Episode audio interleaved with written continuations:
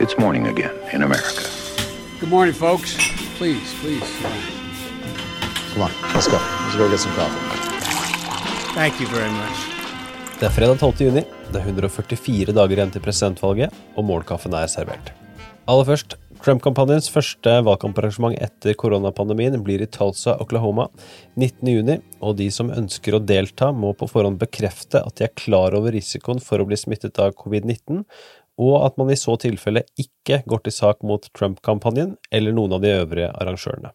Og general Mark Milley unnskyldte i går for sin deltakelse i den etter hvert notoriske hendelsen som ledet til at Trump sto og poserte med en bibel i hendene utenfor en kirke like ved Det hvite hus. As many of you saw the result of the photograph of me at Lafayette Square last week, that sparked a national debate about the role of the military in civil society.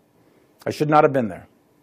My presence in that moment and in that environment created a perception of the military involved in domestic politics. As a commissioned uniformed officer, it was a mistake that I have learned from, and I sincerely hope we all can learn from it.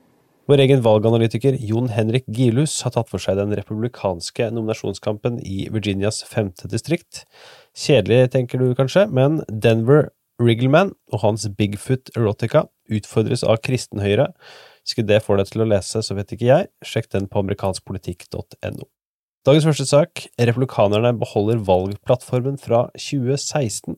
Den republikanske nasjonale komiteen holdt nylig en avstemning der det ene som kom frem, var å skalere ned landsmøtet som etter planen skal avholdes i tidsrommet 24. til 27. august, og det andre som ble vedtatt var å beholde den politiske partiplattformen som partiet gikk til valg på i 2016.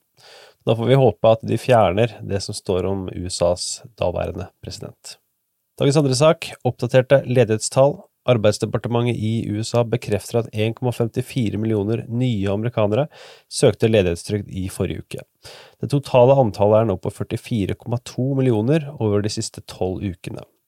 Ifølge CNBC er dette 355 000 færre enn forrige uke, og ca. 100 000 færre enn antallet som Dow Jones hadde budsjettert med.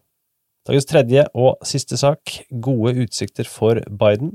Skal vi tro The Economist, så har Joe Biden all mulig grunn til å smile over gode utsikter før høstens valg.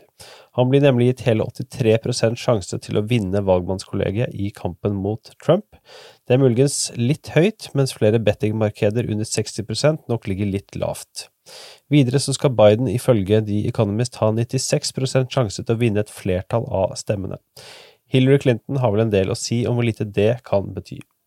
Per 11. juni så kalkulerer uansett modellen med at Biden ligger an til 330 valgmenn, mens Trump beregnes til 208. 270 valgmenn er som kjent det som trengs for å vinne valget. Dagens utgave av Målkaffen er servert av Henrik Skotte og undertegnede Are Togoflaten. Dersom du ønsker helgeutgaven av Målkaffen eller din egen kaffekopp i posten, så tar du turen til patron.com.